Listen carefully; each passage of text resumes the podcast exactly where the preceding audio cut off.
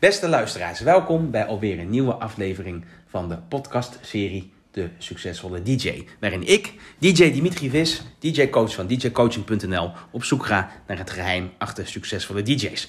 In deze aflevering hebben we iemand die niet meer weg te denken is uit het partycircuit uh, van de jaren 90 en 2000. Face DJ Sean, onder andere ook bekend van de Hollywood Music Hall in Rotterdam, uh, Stadhuisplein en uh, natuurlijk ook een van de vaste DJ's bij de thuiswedstrijden van Feyenoord.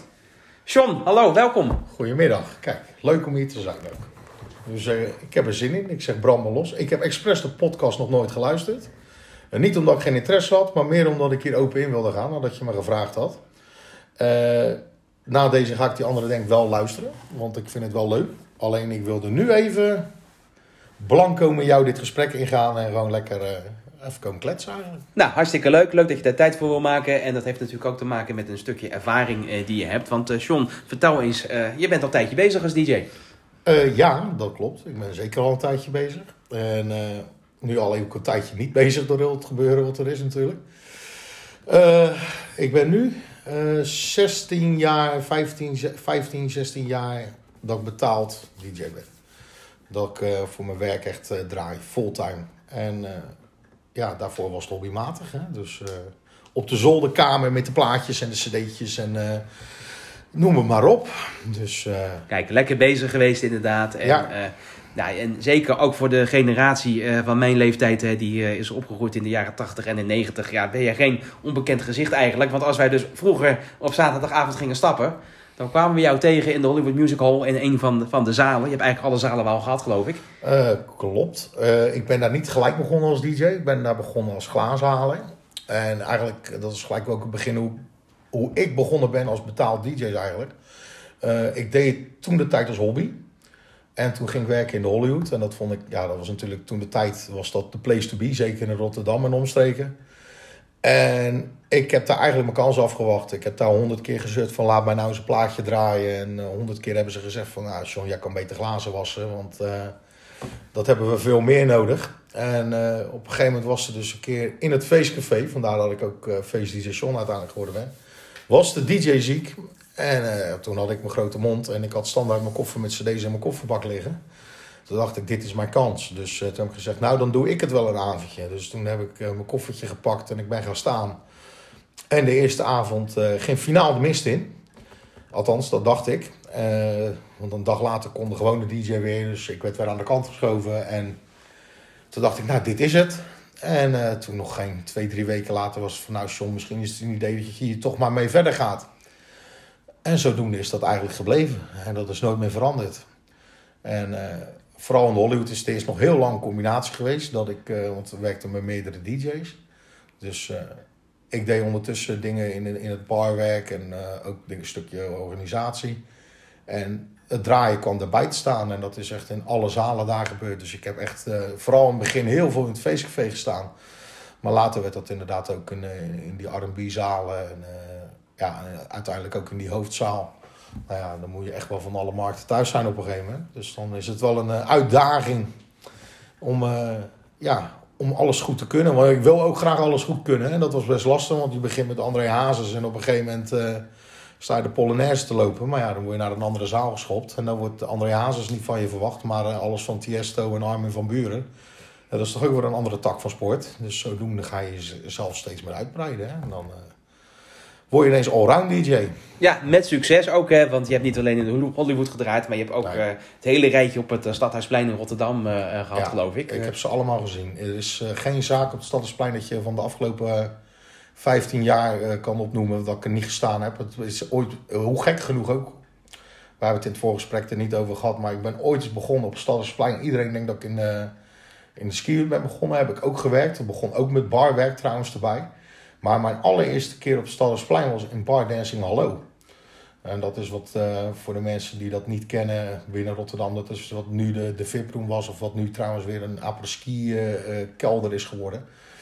Maar dat was toen uh, Bar Dancing Hallo. Er zat vroeger een, een Burger King ook boven. En dat was, ja, daar is het ook fout gegaan bij mij, denk ik. maar dat, dat, nou, dat was de eerste kennismaking met Stallersplein inderdaad. En zodoende is dat doorgegroeid. Op een gegeven moment werd het inderdaad uh, skihut. Uh, je had toen nog een stadscafé, dat was toen dat was wat nu Get Back is. Nou, en dat groeide maar door. Dus uiteindelijk hebben ze echt allemaal gehad. Van uh, Café Plein, First Coconuts, Café Fout, uh, Saint-Tropez, Bayer Beach Club hebben we natuurlijk gestaan, die daar zat. Nou ja, gaat het, gaat het rijtje maar af. En dat zijn een beetje de vaste dingen die ik in Rotterdam gedaan heb. Tenminste, qua vast werk. En natuurlijk nog tal van dingen eromheen. Maar dat is uh, vanuit het Stadhuisplein gezien.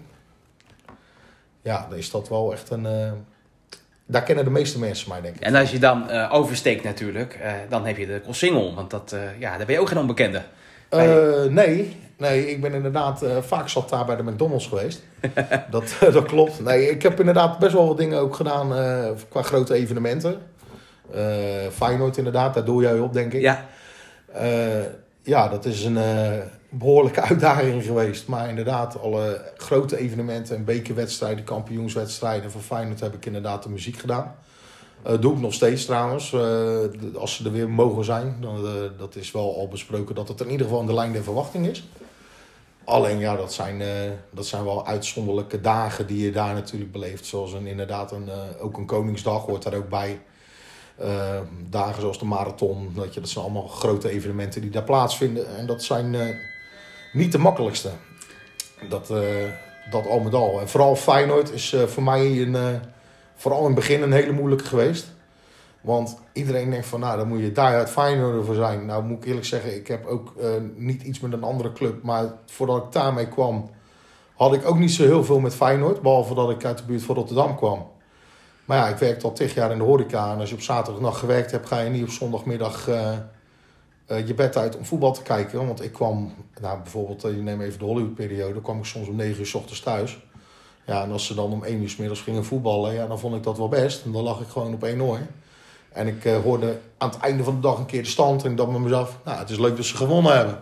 Maar het is niet dat ik in het stadion erbij zat en dat ik wist wat daar gebeurde. En ja, wat, wat voor muziek ik daarbij moest denken. Natuurlijk, ik had wel, omdat ik hier uit de buurt kom, wel een, eh, een richtlijn. Maar het is niet dat je zegt van, nou, ik had een hele platentas vol met, uh, met fijne muziek. En dat gaan we eventjes doen. Dus dat was niet, eh, zeker in het begin niet heel erg makkelijk. Nee, ben je echt ingerold eigenlijk, hè? Dan ga je ook gaandeweg... Uh, met heel veel vallen en opstaan, fouten maken en doorgaan, besprekingen met, met mensen die daar de boel regelen. En ja, zo kom je op een punt uit. En gek genoeg, de dagen zoals Feyenoord waren voor mij nog het zwaarst. Want uh, normaal gesproken op grote evenementen, daar worden met meerdere DJ's gewerkt.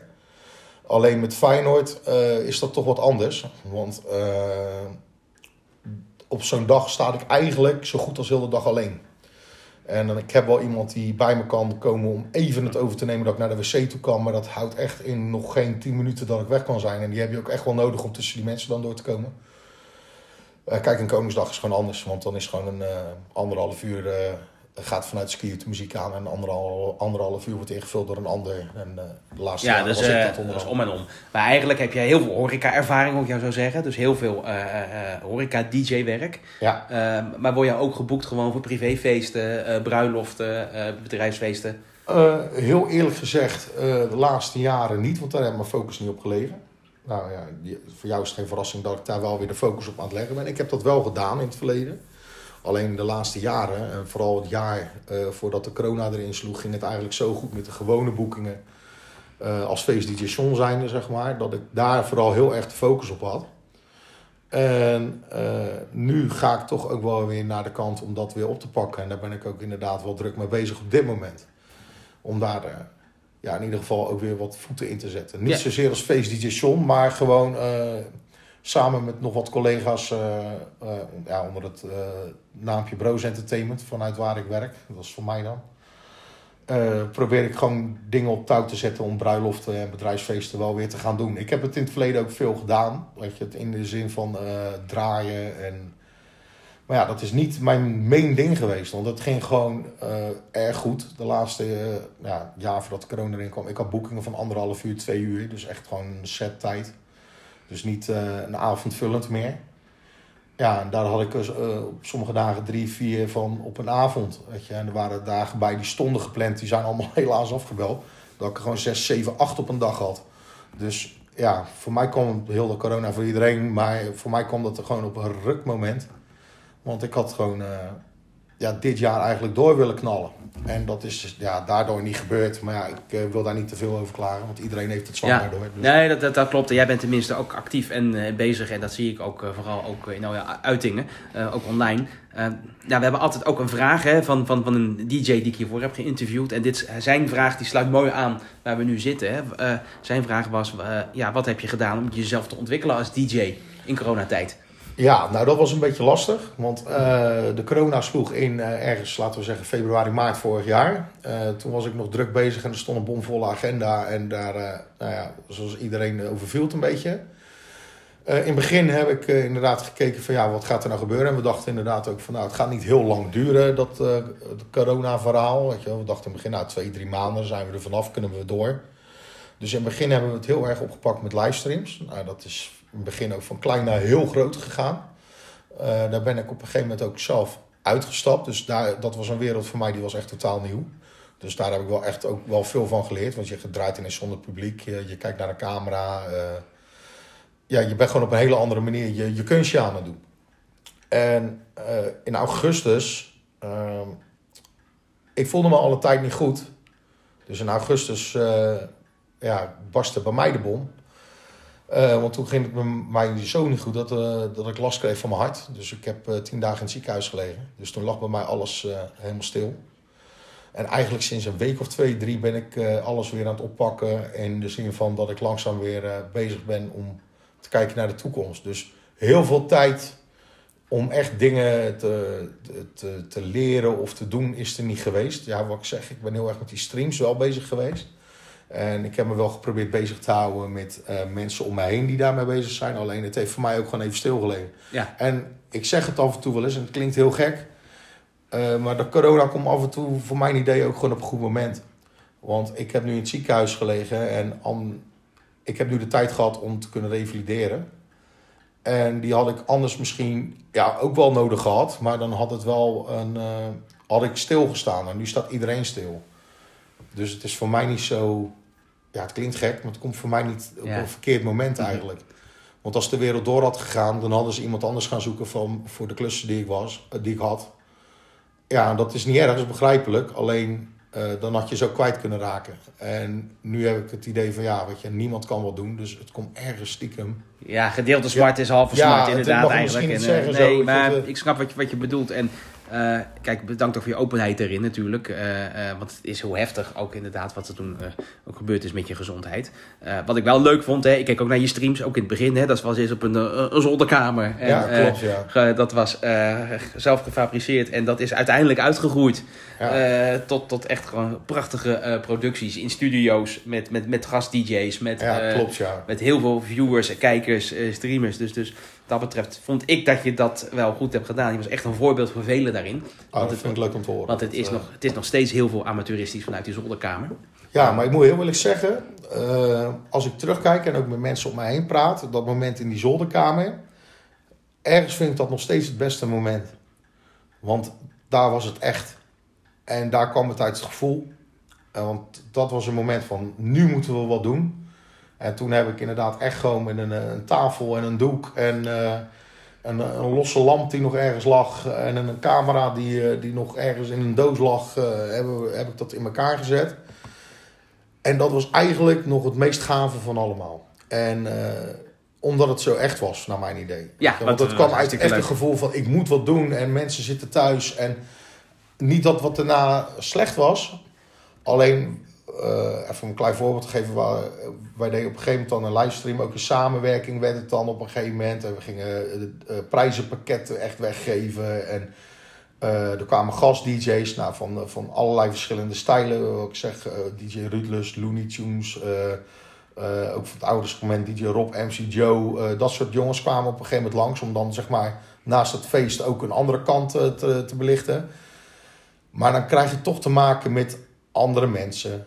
Uh, even heel makkelijk, als je iemand een prijspakket laat winnen, dat is hartstikke leuk. Maar je moet ook zorgen dat hij er komt. Uh, er zit een stukje bij wat, uh, ja, eh, het is meer een ding dan. Het is meer, Ja, een hele organisatie. het is meer een Je organisatie. hebt de logistiek eromheen, je hebt te maken met verschillende belangen. Ook natuurlijk, al die, die gast-DJ's hebben ook hun eigen eh, marketing, eh eh, En imago. hartstikke gaaf. Ik ben blij dat ik het gedaan ja. heb. En het is ook echt wel goed uitgewerkt geweest. Alleen, als je dan vraagt aan mij van heel dat verhaal... wat was dan het leukste? Dan is dat toch die zolderkamer Ja, geweest. en je was ook echt een van de eerste, want je was echt een van de eerste DJ's, Ik, eh, ook ja. in mijn netwerk. Dat was echt begin van die coronaperiode, meer dan een jaar geleden. Dat ik zei, kom, we gaan een keer even naar die gekke song kijken die daar zit met zijn wigwam eh, op zijn zolderkamer. Ja, ja, en, klopt, ja. eh, het, het had echt wel iets, eh, ja, weet je Het was, het was te fout voor woorden. En het was echt bij elkaar geraapt. En dat wist ik ook. Maar daar ging het mij niet om. Het ging mij erom dat ik op dat moment die mensen op Facebook had... die met elkaar konden praten in Juist. de chat... die elkaar op dat moment niet konden zien. en nou, nodig nog steeds niet. Ja, maar ja, dat was voor mij gewoon echt een ding. ja, En het interesseerde me niet hoe het eruit zag. Maar ja, een week later, je gaat toch doorontwikkelen. En daar heb je natuurlijk veel van geleerd. Want dat was je vraag ook een beetje van, wat, wat, wat heb je geleerd? eh, eh, vooral in deze periode. Ja, tuurlijk. Technisch gezien heb je heel veel geleerd. Hoe een, eh, een greenscreen goed werkt. En hoe instellingen daarvan werken. En apparatuur eromheen. En geluid. En dat dat gelijk loopt. En, maar de eerste keer was dat totaal niet nodig. Want het maakte niet uit of mijn spraak door mijn microfoon gelijk liep met het beeld. Het ging erom, ik moest er zijn toen. En dat was er. En dat hebben heel veel mensen gewaardeerd toen. Want daar krijg ik nu nog steeds berichtjes over. En, ook, Ja. en iedereen, 9 van de 10 beginnen over die zolderkamer. ja, ja, ik ook, dat is bij me bijgebleven. En dat vond ik zo leuk omdat het puur was. En als we dat toch over, over puur hebben en vanuit je hart, hè, is dat ook het, eh, wat een succesvolle DJ eh, beaamt? Dat je iets doet vanuit je hart? Of de energie van het publiek dat je dat meeneemt? Nou, ja, kijk, ik, ik weet natuurlijk de naam van de podcast. En ik vind het heel moeilijk om een succesvolle DJ te omschrijven. Want wanneer ben je succesvol? Kijk, voor mij is succesvol wanneer je zelf je eigen doelen hebt behaald. En het is maar net hoe hoog je die legt. En voor mij was het. Ik, heb, ik ben geboren in de buurt van Rotterdam. En voor mij was het gewoon een doel van: oké. vooral toen ik net in de Hollywood begon, begon mijn doelstelling heel klein. Ik werkte daar als slaarzalen. Ik wilde gewoon überhaupt DJ worden betaald. Nou ja, dat was een doel die ik al gehaald. Nou, toen voelde ik me al succesvol. Want toen had ik zoiets van: dit is het. Maar ja, toen stond ik daar in dat feestcafé. Maar ja, dat feestcafé, hoe tof het ook was. Weet je, dat was toch niet die hoofdzaal waar danseressen uit het plafond komen. En eh, CO2 en lasers en eh, noem het maar op. Dus dat werd toen het volgende doel. Ja, voor mij persoonlijk dan. Toen ik dat gehaald had, ja, voelde dat als een overwinning. Dus ja, op dat moment was ik even in mijn gevoel de Tiesto van, eh, van de wereld. En ja, daar had ik toen genoeg aan. Maar ja, op een gegeven moment is dat bijgesteld van ja, ik wil eh, inderdaad eh, een grote evenement draaien in Rotterdam. Ik wil in de Kuip staan, ik wil in Ahoy staan, wil weet ik veel wat allemaal wel niet doen. Maar ja, wanneer ben je succesvol dan? Ben je dan succesvol als je daar als, als main act staat? Ben je daar succesvol als je daarbij bent? Ik denk dat je gewoon succesvol al kan zijn, door waar we het net over hadden, als je op die zolderkamer staat en je maakt mensen blij.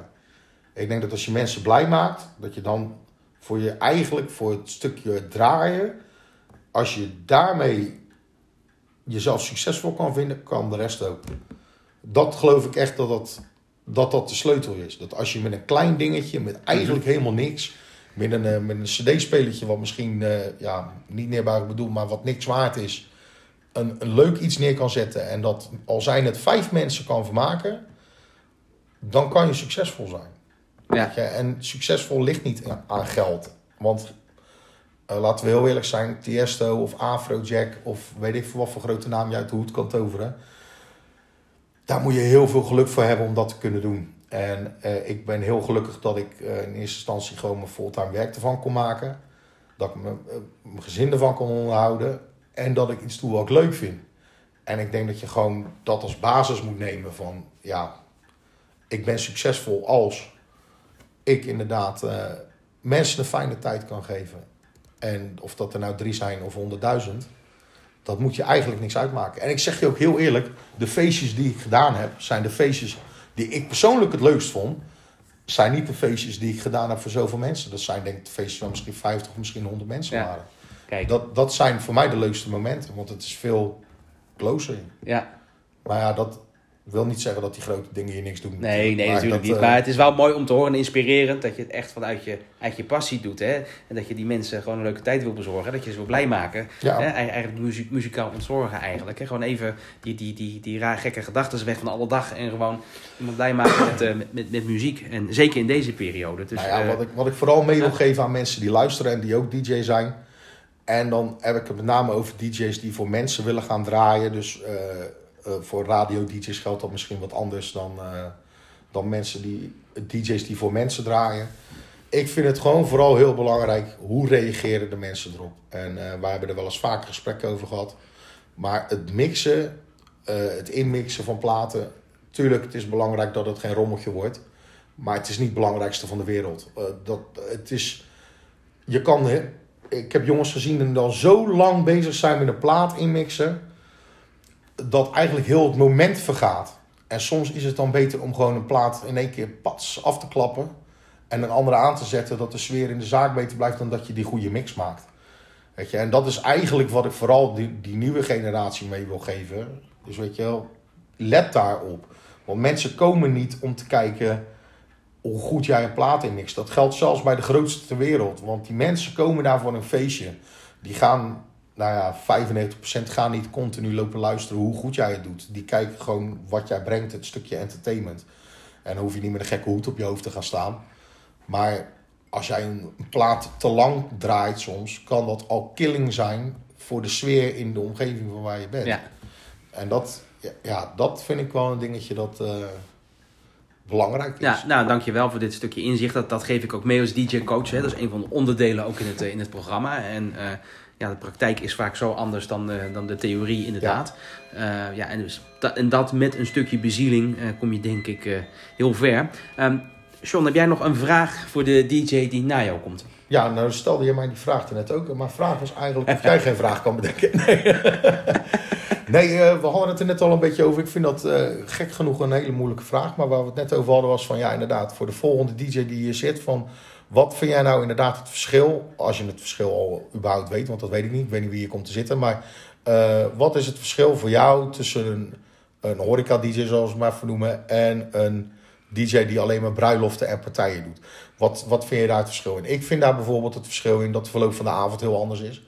Maar ja, daar zijn honderdduizend verschillende aanpassingen, toepassingen voor. Dus ik ben ook wel benieuwd hoe iemand anders daar tegenover Ja, nou, leuke vraag, interessante vraag. Ik, ik, ik denk zelf, met horeca heb je natuurlijk ook te maken met eh, ja, de, de, de gastheer die de zaak uitbaat. Ja, want je zit daar ook eh, om eh, ons- een stukje omzetverhogend te zijn. Zorgen dat mensen binnen blijven en terug blijven komen. En dat, dat die toko loopt. Ja, interessant. We gaan dat zeker vragen. Eh John, mag ik jou heel hartelijk bedanken eh, voor je openhartigheid. Dat mag uiteraard. Eh, we gaan veel van jou horen komende tijd. Je bent een hoop plannen ben je bezig. Waar kunnen we jou vinden? Nou, op dit moment is dat misschien een beetje lastig. Ik sta alleen nog op Facebook. Er komen wel een hoop dingen aan. Maar als je op Facebook Face DJ John indrukt, dan kom je er wel. En op Soundcloud zal er ook nog wel een pagina staan. Ik zeg er wel bij, dat zijn we nu wel druk mee aan het werk. Want ik, ben, ik heb het weer opgepakt, alles wat ik zei. En we zijn nu met dingen bezig.